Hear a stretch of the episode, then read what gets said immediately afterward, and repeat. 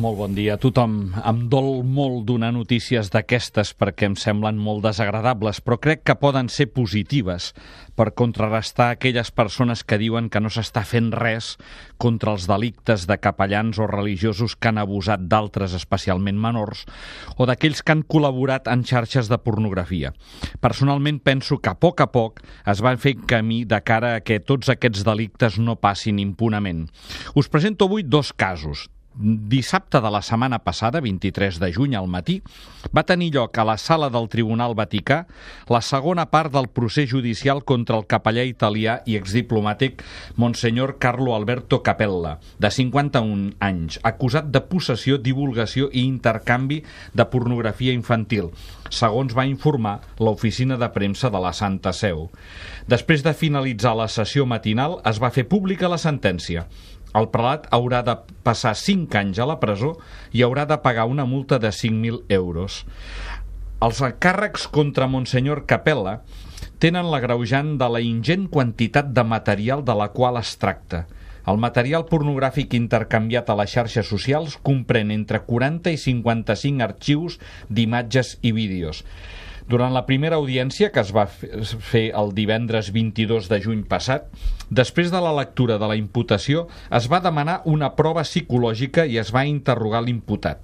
També es van escoltar els testimonis de l'enginyer Gianluca Gauzzi i del doctor Tommaso Parissi, sol·licitats per la defensa. Alberto Capella no és bisbe, sinó que ostenta el títol de Monsenyor de forma honorífica, atès que va treballar com a conseller de l'Anunciatura a Washington. Anteriorment també va exercir a la Índia, a Hong Kong i un càrrec a la secció de Relacions amb els Estats de la Secretaria d'Estat del Vaticà. Al setembre del 2017, la Santa Seu va informar de l'inici de la investigació a Capella, després que el 21 d'agost el Departament d'Estat dels Estats Units notifiqués per via diplomàtica la possible violació de les normes en matèria d'imatge de pornografia infantil per part d'un membre del cos diplomàtic de la Santa Seu acreditat a Washington. El promotor de justícia de Vaticà seria la, la, la figura del fiscal, Gian Piero Milano, es va fer càrrec del cas. El 7 d'abril, Capella va ser arrestat i a principis d'aquest mes es va anunciar la data del judici. Per tant, el procés ha anat ben ràpid. Aquesta és la primera vegada que el Vaticà tracta un procés judicial de pornografia infantil. De fet, aquest delicte no es contemplava en l'ordenament penal de la Santa Seu fins al 2013 quan el papa Francesc el va introduir en un moto propio poc després de començar el seu pontificat. Ara queda ben clar la política de tolerància zero en aquesta mena de casos.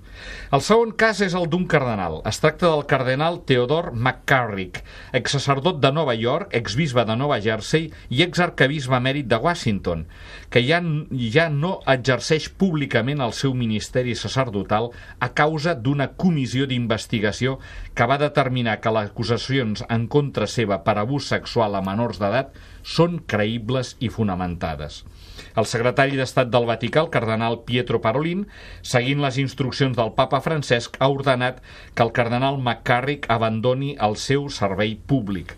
Es va fer públic això en un comunicat de l'arxidiòcesi de Nova York.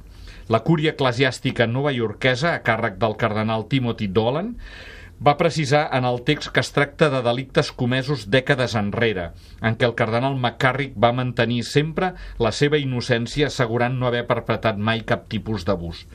Després d'aplicar els protocols d'acció i dur a terme les investigacions corresponents de manera independent, els resultats van ser presentats en un informe lliurat a una comissió integrada per juristes, advocats, pares, psicòlegs, un sacerdot i una religiosa, els quals van determinar com a certa la implicació del purpurat en els fets.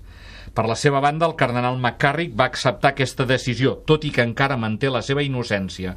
El comunicat de l'arxidiòcesi de Nova York conclou demanant novament perdó a les víctimes d'abusos sexuals perpetrats per membres del clergat i alhora que agraeixen a les víctimes el seu coratge de seguir cap endavant i formar part del programa de reconciliació i compensació, amb l'esperança d'aconseguir, en la mesura del possible, la reparació i la justícia del patiment dels afectats. Molt bon diumenge a tothom.